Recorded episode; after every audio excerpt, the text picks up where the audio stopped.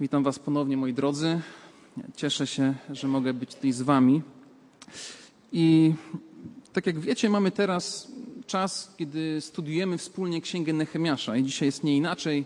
Dzisiaj będzie bardzo, w mojej ocenie, bardzo ciekawy fragment pisma, taki, który na pewno e, zaintryguje Was chociażby do tego stopnia, żeby się zastanowić, o co pastorowi w ogóle dzisiaj będzie chodzić. Dlaczego w ogóle taki fragment dzisiaj będzie poruszany. Więc zachęcam Was do Księgi Nehemiasza.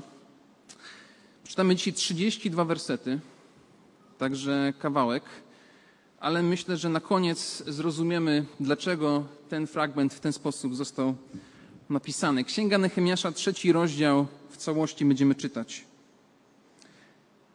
Zabrał się więc arcykapłan Eliaszib wraz ze swoimi braćmi kapłanami do odbudowy bramy owczej.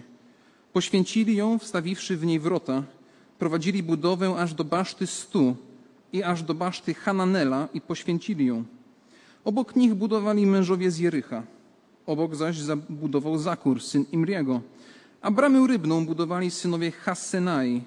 Opatrzyli ją w belki i wstawili w niej wrota, zasuwy i stworzenie. Obok nich naprawiał Meremot, syn Uriasza, syna, syna Kosa. Obok naprawiał Meszulam, syn Berechiasza, syna Meszyzabela. Obok naprawiał Sadok, syn Baany. Obok nich naprawiali mieszkańcy Tekoła, lecz przedniejsi z nich nie zgięli swego karku do służby dla swych panów. Bramę staromiejską naprawiali Jojada, syn Paseacha i Meszulam, syn Besodiasza. Oni też opatrzyli w belki i wstawili w niej wrota, zasuwy i swożnie. Obok nich naprawiał Melatiasz, Gibeończyk i Jadon Mereonyta oraz mieszkańcy Gibeonu i Myspy podlegli namiestnikowi Zarzecza. Obok nich naprawiał Uziel, syn Harachiasza z bractwa złotników, obok niego zaś Hananiasz z bractwa aptekarzy i ogrodzili Jeruzalem aż do muru szerokiego. A obok nich naprawiał Refajasz, syn Hura, naczelnik połowy okręgu jeruzalemskiego. Obok nich naprawiał Jedajasz, syn Harumafa, naprzeciw swojego domostwa, obok niego zaś naprawiał Hattusz, syn Hashabnyjasza. Następny odcinek z basztu pierwców naprawiał Malkiasz, syn Harima i Haszub, syn Pachat Moaba. Obok niego naprawiał Szalum, syn Halochesza, naczelnik drugiej połowy okręgu jeruzalemskiego wraz ze swoimi córkami. Bramę nad doliną naprawiał Hanun i mieszkańcy Zanoach. Oni ją odbudowali i wstawili w niej wrota, zasuwy i stworznie i wznieśli tysiąc łokci muru, aż do bramy śmietniska. Bramę śmietnic naprawiał Malkiasz, syn Rehaaba, naczelnik okręgu Bet Hakerem.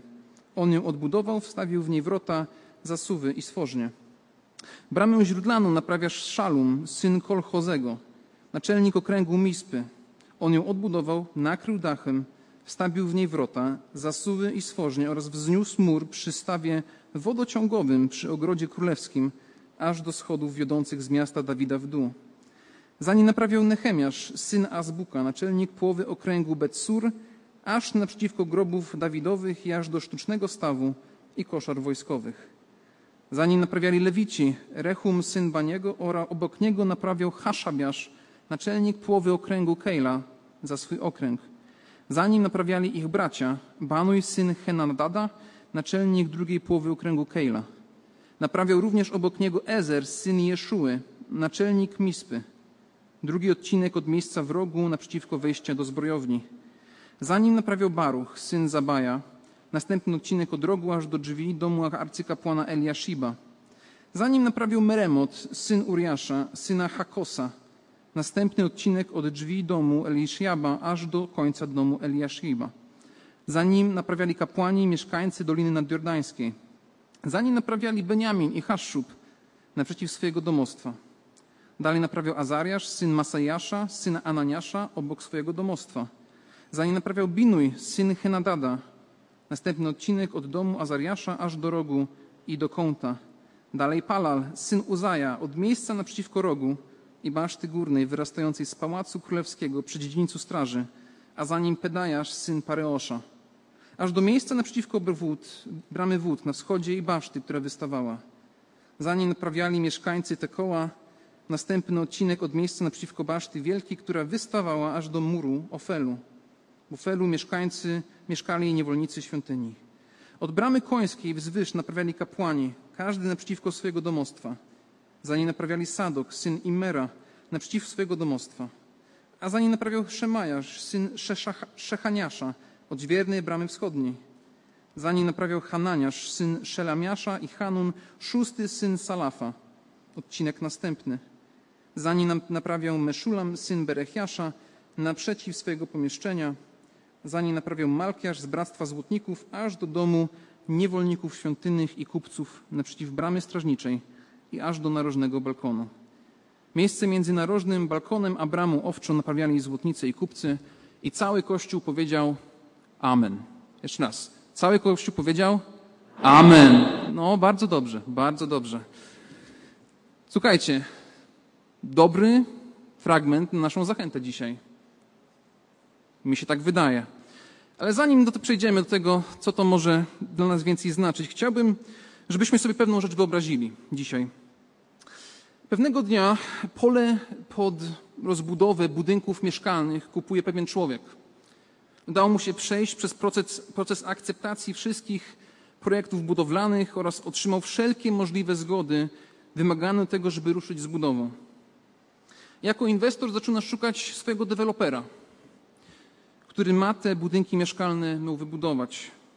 Ale ma on bardzo specyficzne wymagania do tego, kto ma ten budynek budować.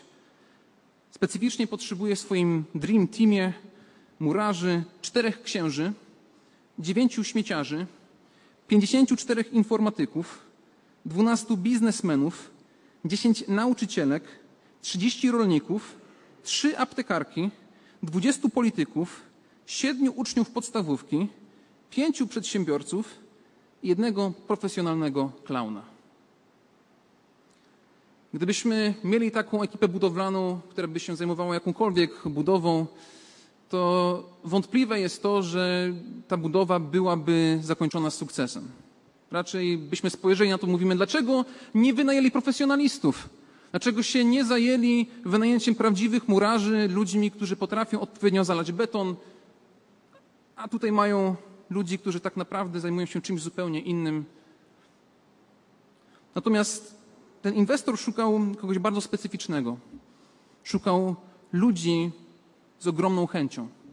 Szukał ludzi, którzy będą gotowi, pomimo tego, że czegoś nie potrafią, rozpocząć budowę takiej większej, większej, z większym nastawieniem. I moi drodzy, tym inwestorem, który znalazł tych deweloperów, których ich sobie przygotował, jest Bóg. My jesteśmy tymi, którzy budują Boży Kościół. I ten fragment z księgi Nehemiasza jest zapowiedzią przyjścia Kościoła. Jest zapowiedzią zbudowania czegoś duchowego. Bo to, o czym tutaj czytamy, to nie jest tylko budowa fizycznych murów Jerozolimy, tak jak już mam nadzieję dobrze wiemy po tej serii.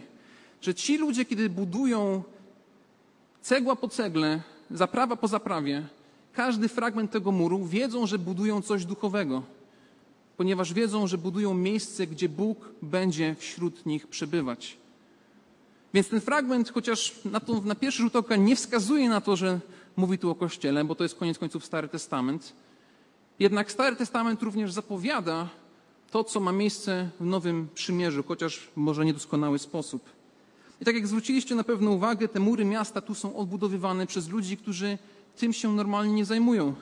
Są kapłani, są kobiety, córki Szaluma, naczelnicy różnych okręgów, byśmy powiedzieli politycy. Są inni kapłani, złotnicy, rzemieślnicy, kupcy, aptekarze. Wszyscy z różnych środowisk, z różnych pozycji społecznych są zaangażowani w budowę jednego wielkiego dzieła.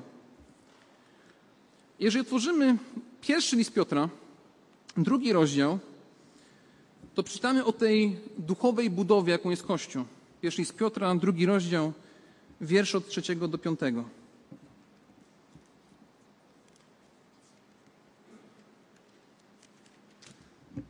Czytamy następujące słowa. Gdyżeście zakosztowali, iż dobrotliwy jest Pan, przystąpcie do Niego, do kamienia żywego, przez ludzi wprawdzie odrzuconego, lecz przez Boga wybranego jako kosztowny, i wy sami jako kamienie żywe budujcie się w dom duchowy, w kapłaństwo święte, aby składać duchowe ofiary przyjemne Bogu przez Jezusa Chrystusa. Gdyżeście zakosztowali, że Bóg jest dobry, albo dobrotliwy jest Pan, przystąpcie do Niego, do kamienia żywego, przez, ludzi wprawdzie odrzuconego, lecz przez Boga wybranego jako kosztowny. I wy jako kamienie żywe budujcie się w dom duchowy, w kapłaństwo święte, by składać duchowe ofiary przyjemne Bogu przez Jezusa Chrystusa. Apostoł Piotr tutaj w tym fragmencie zaczyna mówić o budowaniu duchowego domu dopiero po tym, kiedy mówi co? Jakżeście skosztowali, że dobry jest Pan. Skoro doświadczyliście Bożej dobroci, to wtedy się budujcie. Pragnienie służby, pragnienie zaangażowania w Kościół, pragnienie usługiwania sobie wzajemnie ma swój początek w Bogu. Ma swój początek w tym, że my skosztowaliśmy, że dobry jest Bóg. Dzisiaj śpiewaliśmy piękne pieśni, które chwalą Boga. I to nie są pieśni, które powinny mieć puste słowa dla nas, to są pieśni, które powinny wyrażać nasze najgłębsze doświadczenie tego, kim Bóg jest. Kiedy doświadczamy Bożej dobroci w naszym życiu, to chcemy służyć innym. Chcemy budować coś wspólnie, ponieważ mamy jednego Boga, który jest dla nas wszystkich dobry. Chcemy poznawać lepiej Jego Słowo. Chcemy rozszerzać i ogłaszać Jego cudowne imię po krańcy ziemi. Chcemy się do Niego modlić i prosić Go o błogosławieństwo nad naszym życiem. Kiedy się zgromadzamy jako Kościół, to właśnie ma miejsce podczas nabożeństwa.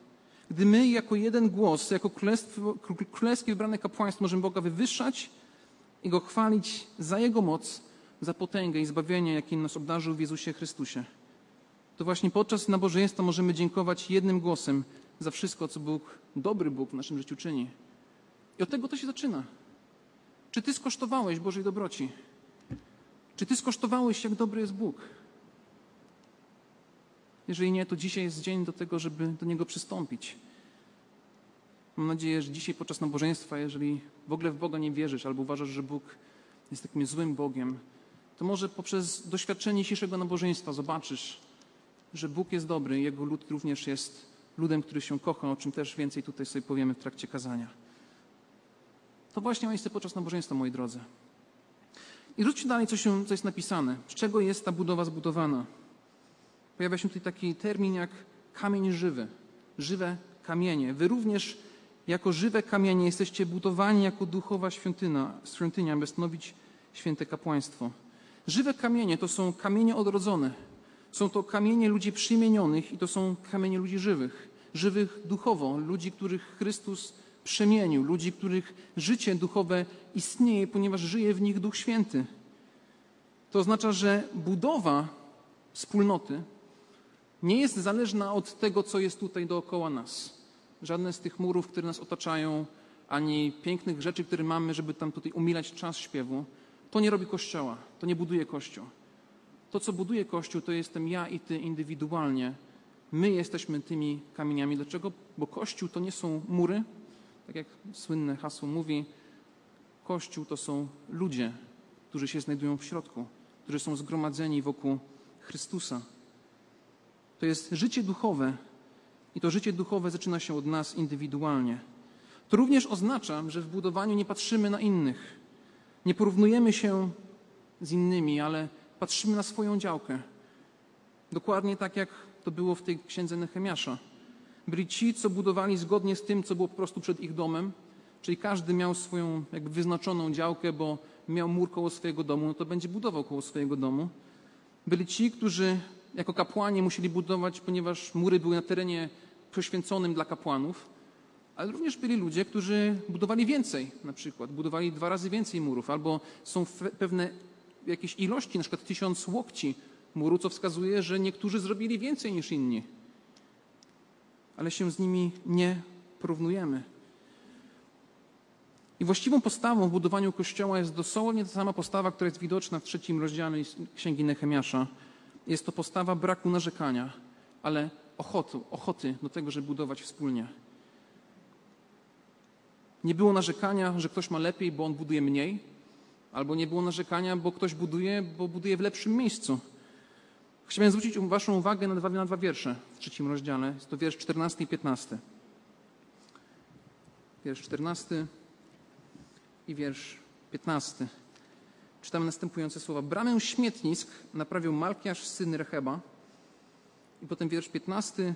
On ją odbudował, nakrył dachem i wstawił w niej wrota, zasuwy i stworznie oraz wzniósł mur przy stawie wodociągowym przy ogrodzie królewskim. Mamy tutaj dwie bramy. Jedna to się nazywa brama śmietnisk, albo brama gnojna, innymi słowy. Była to brama, która wyprowadzała wszelkie nieczystości fizyczne i płynne zarówno ludzi, jak i zwierząt. Więc wyobraźcie sobie, że nagle przychodzi Nehemiasz i rozdziela obowiązki. I Twoim obowiązkiem jest odbudowanie tej części muru, która się znajduje przy tej śmierdzącej części miasta. Tam było takie zejście do doliny, prawdopodobnie Chinon, gdzie wiatr mógł zawiewać śmierdzący zapach od miasta. I nagle ktoś dostaje od Nehemiasza takie zadanie: Słuchaj, tu jest potrzeba, tutaj musisz wybudować tą część muru. No, pan e, Malkiasz, syn Rechaba, nie wygrał tego dnia loterii. Natomiast w wierszu 15, dosłownie wiersz później, mamy informację, że ktoś budował przy ogrodach królewskich, gdzie są kwiaty, gdzie ładnie pachnie, gdzie jest wyższy standard życia. I nagle mamy dwóch ludzi, którzy budują ten sam mur, ale w dwóch różnych miejscach. No i pytanie, która z tych dwóch części muru była ważniejsza? Prawdopodobnie no ta, która była wybudowana przy Pałacu Królewskim, ta przy ogrodach królewskich. No, no nie. Co z tego, że mur będzie wybudowany przy Pałacu Królewskim, kiedy przyjdzie wróg od strony śmietnika i wejdzie do miasta i miasto też będzie zdobyte? Tutaj nie ma rozróżniania na to, co było zbudowane i gdzie, bo dla Boga tak naprawdę w pewien sposób nie ma znaczenia. Ma to jakieś doczesne znaczenie dla nas, tak? Lubimy się porównywać. No ja budowałem tutaj, ty budowałeś tam. Wow, no ładnie. Ale dla Boga najważniejsze było chętne serce i brak narzekania na to, co, co ma miejsce. I moi drodzy, są służby w kościele, są rzeczy w kościele, które z ludzkiej perspektywy nie przynoszą fanfarów. Prawdopodobnie, tak zakładam, to nie jest jakaś statystyka. Prawdopodobnie 80% rzeczy w kościele to są takie rzeczy, za które nikt nigdy nie zobaczy tego, co masz do zrobienia. To może być rozmowa z kimś, to może być słowo zachęty, to może być wyrzucenie śmieci po jakimś spotkaniu, albo dopilnowanie tego, żeby po spotkaniu było czysto w kaplicy albo w jakiejś sali. Nikt tu po tym nie przyjdzie, nie podziękuje, nie będzie ci tam czerwonego dywanu wykładał na twoją cześć, bo o, śmieci wyrzuciłeś. Są pewne rzeczy, które w jakiś sposób robimy, robimy je z chęcią, dlatego że chcemy po prostu służyć Bogu i są takie możliwości. Oczywiście dobrze jest doceniać, jeżeli ktoś coś zrobił i widzimy, powie, dobrą robotę zrobił, powiemy super, dobry, dobra robota, fajnie, dzięki, że to zrobiłeś. Ale większość rzeczy, większość budowania kościoła ma miejsce wtedy, kiedy nikt nie widzi. Wtedy, kiedy nikt nie zobaczy tego, a jednak Bóg to widzi. I to jest właściwa postawa. Jest to postawa brak narzekania, ale z chęcią. Nawet jeżeli to jest coś, co byś typowo może nie chciał robić. Bo kiedy łatwo jest być kościołem? Ale kiedy jest łatwo, kiedy jest przyjemnie, kiedy wszystko idzie zgodnie z planem, wtedy jest łatwo robić fajne rzeczy, dobrze jest wspólnie gdzieś rzeczy robić. Natomiast kościołem również trzeba być wtedy, kiedy jest ciężko, kiedy pojawiają się problemy, kiedy nagle należy się zajmować tym, z czym wcześniej może nie miałeś do czynienia. Nawet wtedy, kiedy jest do wykonania brudna robota. W rozdziale czwartym, w następnym kazaniu zobaczymy, że się pojawiają problemy, ale postawa ludzi budujących dalej jest ta sama. My odbudowaliśmy mur dalej i wkrótce cały mur był powiązany do jego wysokości, lud zaś ochoczo pracował. To jest Nehemiasza 4,6. Lud zaś ochoczo pracował. Pojawiły się problemy, pojawiły się trudności, a oni dalej robią swoje. I chcą to robić, bo wiedzą, dla kogo służą. Kiedy czytam ten fragment z księgi Nehemiasza, sobie wyobrażam, że oni stoją przy tym murze, puszczają głośną muzykę i ciężko pracują. Ja lubię pracować fizycznie z muzyką. Głośna muzyka wtedy jest taka, taki, taki power do tego, żeby działać. Więc jest zaprawa, są głośniki, działamy. W liście do Jakuba czytamy o tym, jak w kościele też to powinno wyglądać. Nie narzekajcie, bracia, jedni na drugich, abyście nie byli sądzeni. Oto sędzia u drzwi stoi. I wcześniej w trzecim rozdziale czytamy, jeśli jednak gorzką zazdrość i kutliwość macie w swoich sercach, to przynajmniej się nie przechwalajcie, nie kłamcie wbrew prawdzie. Nie jest to mądrość, która z góry stępuje, lecz przyziemna, zmysłowa, demoniczna. bo gdzie jest zazdrość i kłótliwość, tam niepokój i wszelki zły czyn.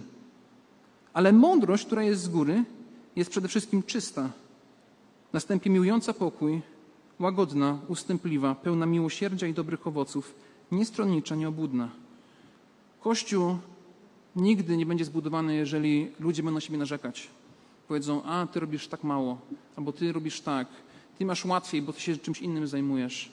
Albo z kimś się wykłócasz, masz z kimś problem i nagle pewne rzeczy, które można byłoby zrobić, przestają mieć taką możliwość, bo jest jakaś waśń. To nie jest mądry Kościół.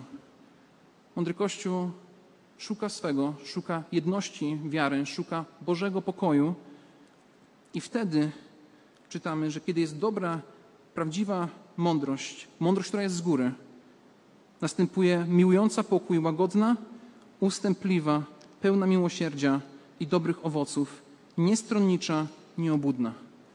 To jest nastawienie człowieka wierzącego w Kościele. To jest nastawienie członka zboru w Kościele, który chce służyć z innymi ludźmi. I tak jak mówiłem, nie wszystkie rzeczy, które robimy w Kościele, zawsze są zauważane. Są pewne rzeczy ważne, które są nie zawsze zauważane, ale zdarza się tak, że chcemy wiedzieć, że ktoś faktycznie zobaczył, co my zrobiliśmy. I to jest dobre, tak mi się wydaje, potrzeba, bo chcemy wiedzieć, że zrobiliśmy dobrą robotę. Ale nawet gdyby było tak, że ktoś faktycznie nie zachęci cię, nie powie, że fajną robotę zrobiłeś, nie poklepia cię po plecach, to jest ktoś, kto widzi, jest ktoś, kto docenia, jest ktoś, kto faktycznie zauważa Twoje poświęcenie dla, dla Boga, dla Kościoła. I tą osobą jest Bóg sam. Bóg doskonale wie, co czynisz, aby szerzyć Jego królestwo. I kiedy patrzymy na tą listę w księdze Nehemiasza, widzimy dokładnie to. Każdy, który swoją rękę przyłożył do tego dzieła, jest wymieniony. Czasem są to większe grupy, ale co do zasady, każdy w tej liście jest ukazany. W Nowym Testamencie mamy inny przykład usłużenia Bogu, gdzie na przykład Jezus mówi bardzo zaskakujące słowa po tym, kiedy jedna z kobiet namaściła go przed jego śmiercią. W Ewangelii Mateusza czytamy tak, lecz Jezus zauważył to i rzekł do nich, czemu sprawiacie przykrość tej kobiecie? Dobry uczynek spełniła względem mnie, albowiem zawsze ubogich macie u siebie, lecz mnie nie zawsze macie. Wylewając ten olejek na moje ciało, na mój pogrzeb to uczyniła. Zaprawdę powiadam wam, gdziekolwiek po całym świecie głosić będą tą Ewangelię, będą również opowiadać na pamiątkę jej tego, co uczyniła. Bóg pamięta, Jezus pamięta, On widzi, jakie jest Twoje serce, jakie jest Twoje nastawienie i co czynisz dla Bożego Królestwa. Dla uczniów to, co ta kobieta zrobiła, nie miało większego znaczenia, więc oni uznali, że to jest strata pieniędzy. Oni stwierdzili, że po co ona ma wylewać ten olejek, skoro można pójść, sprzedać i dać pieniądze ubogim. Jezus mówi nie. Ja widzę, doceniam. I teraz my czytamy o tej kobiecie w Ewangelii Mateusza. To do dzisiaj ma miejsce. Więc w jaki sposób powinniśmy budować ten kościół, skoro już mówiliśmy o tym, że jesteśmy tymi kamieniami wspólnymi, żywymi kamieniami? Czytaliśmy tam o duchowych ofiarach i o tym też czytamy w liście do Rzymian, gdzie czytamy, a proszę was bracia, by przez miłosierdzie Boże, byście dali ciała swoje na ofiarę żywą, świętą, Bogu przyjemną, jako wyraz waszej rozumnej służby Bożu, Bożej. Proszę was bracia, przez miłosierdzie Boże, byście dali ciała swoje na ofiarę świętą i żywą, bo składali duchowe ofiary. My, kiedy mamy możliwość wzajemnej służby, to największym przejawem tego, o czym tu czytamy, jest nabożeństwo. I być może mi nie uwierzycie na teraz, ale mam nadzieję, że tego Was przekonam, że nabożeństwo jest najbardziej podstawową służbą każdego członka zboru, każdego człowieka wierzącego. Są dwie rzeczy, które deklarujesz poprzez przychodzenie na nabożeństwo. Pierwsza, Bóg jest dla mnie ważny. I mówisz to przez swoją obecność, będąc poddawany przez nauczanie Bożego Słowa, poprzez chwalenie Boga, ale równocześnie dajesz świadectwo innym. Są ludzie, którzy czasem przyjdą do kościoła i patrzą na ludzi, zobaczyć, czy oni faktycznie no, kochają tego Boga. Czy to jest faktycznie coś, co jest dla nich ważne. I kiedy widzą serca ludzi, widzą ludzi, którzy śpiewają Bogu na chwałę głośno, nie gdzieś tam pod nosem, nie tam z przymusu, nie ze głową schyloną gdzieś w dół, ale z taką mocą, z taką radością, spokojem, to jest ogromne świadectwo dla ludzi z zewnątrz, że dla Ciebie Bóg jest ważny i że nie jesteś tutaj bez powodu. Druga rzecz, jaką deklarujesz, że ludzie są dla Ciebie ważni. Twoi bracia i Twoje siostry są dla Ciebie ważne. Mówisz, ja tych ludzi kocham, ja się o tych ludzi troszczę i chcę dzisiaj być dla nich zachęceniem. Fajnie jest, kiedy się zgromadzamy razem, kiedy jest nas więcej. Zawsze te wakacyjne nabożeństwa są takie trochę smutniejsze, tak? Bo się patrzy po tej sali, tak mówimy, no, no trochę nas dzisiaj mało, mogło być trochę więcej. I potem przychodzi jesień, prawda? I wszyscy wracają z wakacji, mówimy, wow. To jest bardzo ciekawe doświadczenie, notabene, kiedy jest się tutaj z przodu, nabożeństwo tam, przed nabożeństwem jeszcze sala nie jest do końca pełna i potem zaczyna się nabożeństwo, przychodzisz tutaj, patrzysz i na balkonie są ludzie, tu są ludzie, ludzie z sercami chętnymi do tego, żeby faktycznie kochać Boga i kochać ludzi. Nie ma czegoś takiego jak chrześcijanin bez kościoła. Nie ma czegoś takiego.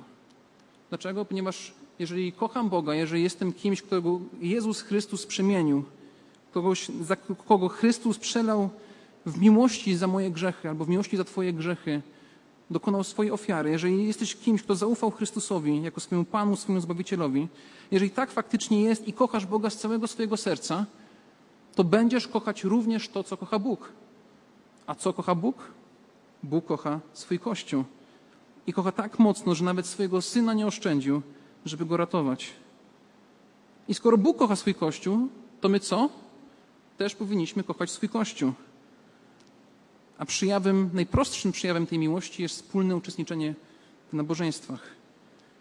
Można powiedzieć, że po pandemii nastąpił pewien problem i to nie jest problem naszego zboru wyjątkowego, ale taki szerszy problem różnych zborów i to się z różnymi pastorami, jak się porozmawia, to jest bardzo podobnie.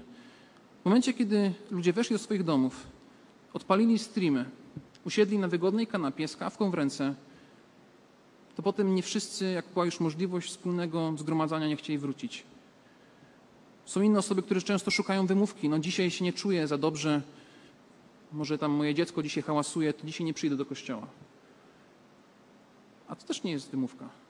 Są rodzice, którzy tu przychodzą normalnie na bożeństwo z dziećmi, chcą uczestniczyć, więc dziecko nie musi być przeszkodą w tym, żeby uczestniczyć z Bożym ludem w dawaniu Bogu chwały.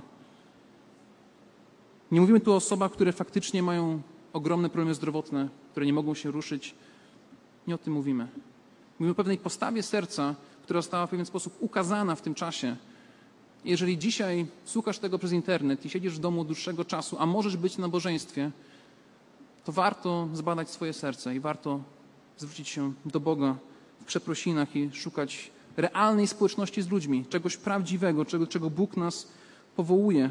W liście do Hebrajczyków czytamy: Baczmy jedni na drugich w celu pobudzania się do miłości i dobrych uczynków, nie opuszczając wspólnych zebrań naszych, jak to jest u niektórych w zwyczaju, lecz dając sobie otuchy, a tym bardziej im lepiej widzicie, że ten dzień się przybliża. To nie jest problem współczesny, że ludzie raz chcą być w kościele, raz nie. To jest coś, co już autor listu do Hebrajczyków musiał zaadresować w tamtym czasie. Więc to jest coś, co my jako chrześcijanie mamy problem czasem z tym. Czasem nam się nie chce. Po prostu.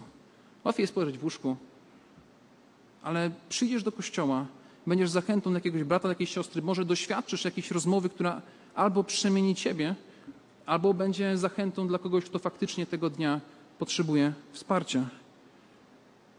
Z drugiej strony może być tak, że ktoś nie przychodzi na nabożeństwa, no bo nie rozumiemy w ogóle, dlaczego są nabożeństwa. Po co my się tak zgromadzamy tutaj dzisiaj? Po, po co nam to jest? I chciałbym, żebyśmy posłuchali tego, jak to pięknie opisał teolog John Frame. To jest dłuższy cytat, więc proszę o to, żebyśmy teraz skupili uwagę. Niektórzy sugerują, że podczas uwielbiania powinniśmy być tacy pełni myśli o Bogu, że nikt nie powinien zwracać uwagi na innych wierzących. Myślę jednak, że to jest błędne. Kiedy wielbimy Boga, przychodzimy nie tylko jako jednostki, ale jako zgromadzenie, jako lud Boży. Uwielbienie powinno wzmacniać naszą miłość zarówno do Boga, jak i do współwyznawców. Czytania z Pisma Świętego i kazania regularnie przypominają nam o tym, jak Boża łaska w Chrystusie motywuje nas do służenia sobie nawzajem. Jezus Chrystus oddał za nas życie swoje i my winniśmy oddawać życie za braci. Nawet w samym akcie uwielbienia Bóg wzywa nas do służenia sobie nawzajem. Hymny, nauczanie, inne elementy uwielbienia muszą być czynione dla wzmocnienia Kościoła. Uwielbieniu Bóg wzywa nas, byśmy myśleli o sobie nawzajem. Powinniśmy dbać o to, by bogaci nie zajmowali się, nie zajmowali wszystkich dobrych miejsc. To jest list do Jakuba. A podczas wieczerzy powinniśmy upewnić się, że żaden wierzący nie jest wykluczony. Nawet podczas pierwszej wieczerzy pańskiej uczniowie spierali się o to, kto jest największy. Jezus odpowiedział, że w Jego królestwie największy jest ten, kto służy innym. On sam służył chlebowi i winie, winem, ponieważ sam wykonał największą możliwą służbę, oddając swoje życie za swój lud. Tak więc uwielbienie nie jest czasem, w którym odcinamy się od siebie nawzajem, aby medytować o Bogu jako jednostce. Podczas uwielbienia, tak jak wszędzie indziej, Bóg wzywa nas do służenia Mu poprzez służenie sobie nawzajem. Jest to czas na modlitwę o wzajemne potrzeby. Jest to czas, aby rozejrzeć się i zobaczyć, czy każdy ma miejsce, czy ma chleb i czy ma wino, tak jak dzisiaj będziemy to robić. Jest to czas na powitanie nieznajomych i wyjaśnienie im to, co się dzieje, aby pomóc im znaleźć informacje, łazienki, może sale dla dzieci. Podczas uwielbiania to, co robimy, musi być zrozumiałe, aby budowało ludzi, a nie wprowadzało ich w błąd. Oczywiście, nawet gdy niewierzący przychodzą na nasze nabożeństwa, powinni wiedzieć, uwaga, że Bóg naprawdę jest pośród nas. Nabożeństwo jest ewangelizacją. Kiedy przyjdzie ktoś tutaj, nawet jeżeli nie uwierzy w Boga, to powinien wiedzieć, że w tym miejscu jest Bóg. I że Bóg do tego miejsca się przyznaje. I w jaki sposób do tego dochodzi? Poprzez każdego z nas indywidualnie. I jak długo ma trwać ta budowa? To jest chyba pytanie, które często się zadaje w ogóle przy jakichkolwiek projektach. Jak długo, kiedy to się ma zakończyć? Ktoś może sprytny powiedzieć, że budowa będzie trwać, aż będzie zakończona. To jest takie zawsze łatwe wyjście z tematu. Ale w liście do Efezjan czytamy, że aż dojdziemy wszyscy razem do jedności wiary i pełnego poznania Syna Bożego, do człowieka doskonałego, do miary wielkości według pełni Chrystusa. Celem budowania ciała Chrystusowego. Kto z nas dzisiaj tu siedzących jest w stanie powiedzieć, że faktycznie doszedł w swoim życiu tego momentu? Kto nas w stanie jest powiedzieć, że nasz zbór jest w pełni doskonały w mierze jedności wiary i pełnego poznania Syna Bożego? Oczywiście są to pytania retoryczne, ponieważ budowa Bożego Kościoła, budowa zboru wygląda zupełnie inaczej niż fizyczna budowla, która w pewnym momencie się kończy. Ktoś przychodzi, dokonuje inspekcji, wszelkie poprawki są dokonane, mówi: Dobra, można już odbierać. Ten, kto przyjdzie odebrać Kościół, jest Chrystus, a do tego czasu jego budowa trwa. Moi drodzy, nasz zbór, nie wiem czy wiecie, liczy prawie 150 lat. 150 lat ten nasz zbór liczy. Niektórzy uważają, że już ma 150 lat, niektórzy mówią, że dopiero będzie miał 150 lat. To wszystko zależy od tego, który historyk jak to opisze. A Bóg dalej wykonuje tu swoją pracę. Dalej Kościół jest w tym miejscu budowany, dalej ludzie są zachęcani, dalej są budowani, dalej, dalej jest zadanie dzielenia się Ewangelią i wykładania Bożego Słowa. Dalej jest potrzeba zachęcania, dalej jest potrzeba zbudowania, dalej są inne potrzeby po prostu też w funkcjonowaniu zboru tutaj. Będziemy mieli w październiku kiermasz służb zborowych. Warto to sobie odnotować i zobaczyć, jakie są potrzeby tu w zborze. Żeby przyłączyć się chociaż małą cegiełką do tego dzieła, które ma już 150 lat, moi drodzy. Mało jest takich chyba zborów na świecie, które faktycznie mają taką możliwość, a Bóg swojej łasce nam ją okazuje. I ten sam model działania, który był przez lata, będzie miał przez kolejne lata miejsce, ponieważ to jest Boży model. To nie jest coś, co ja wymyślam, to nie jest coś, co wy wymyślacie. Jest to coś, co wynika z Bożego Słowa, że Bóg tak decyduje. Mówi, wybieram ludzi, którzy nie są ekspertami w tej dziedzinie, ale mają razem stworzyć coś, co faktycznie będzie przynosiło mi chwałę. I będziemy to robić, moi drodzy, aż do momentu, kiedy Pan Jezus Chrystus przyjdzie, kiedy zabierze do siebie swój Kościół, którego zbór nawalców jest częścią. I dopiero tam, z Nim, w doskonałej wieczności, doskonałej jedności, w doskonałym poznaniu będziemy mogli mieć to, o czym tutaj czytamy w liście do Efezjan. Ale w międzyczasie, moi drodzy, trwa budowa. W międzyczasie trwa budowa. Ty i ja jesteśmy kamieniami żywymi. Mamy budować te mury tutaj walicowskie, mamy budować mury naszego zboru, aż do momentu, kiedy Chrystus przyjdzie. Amen? Amen.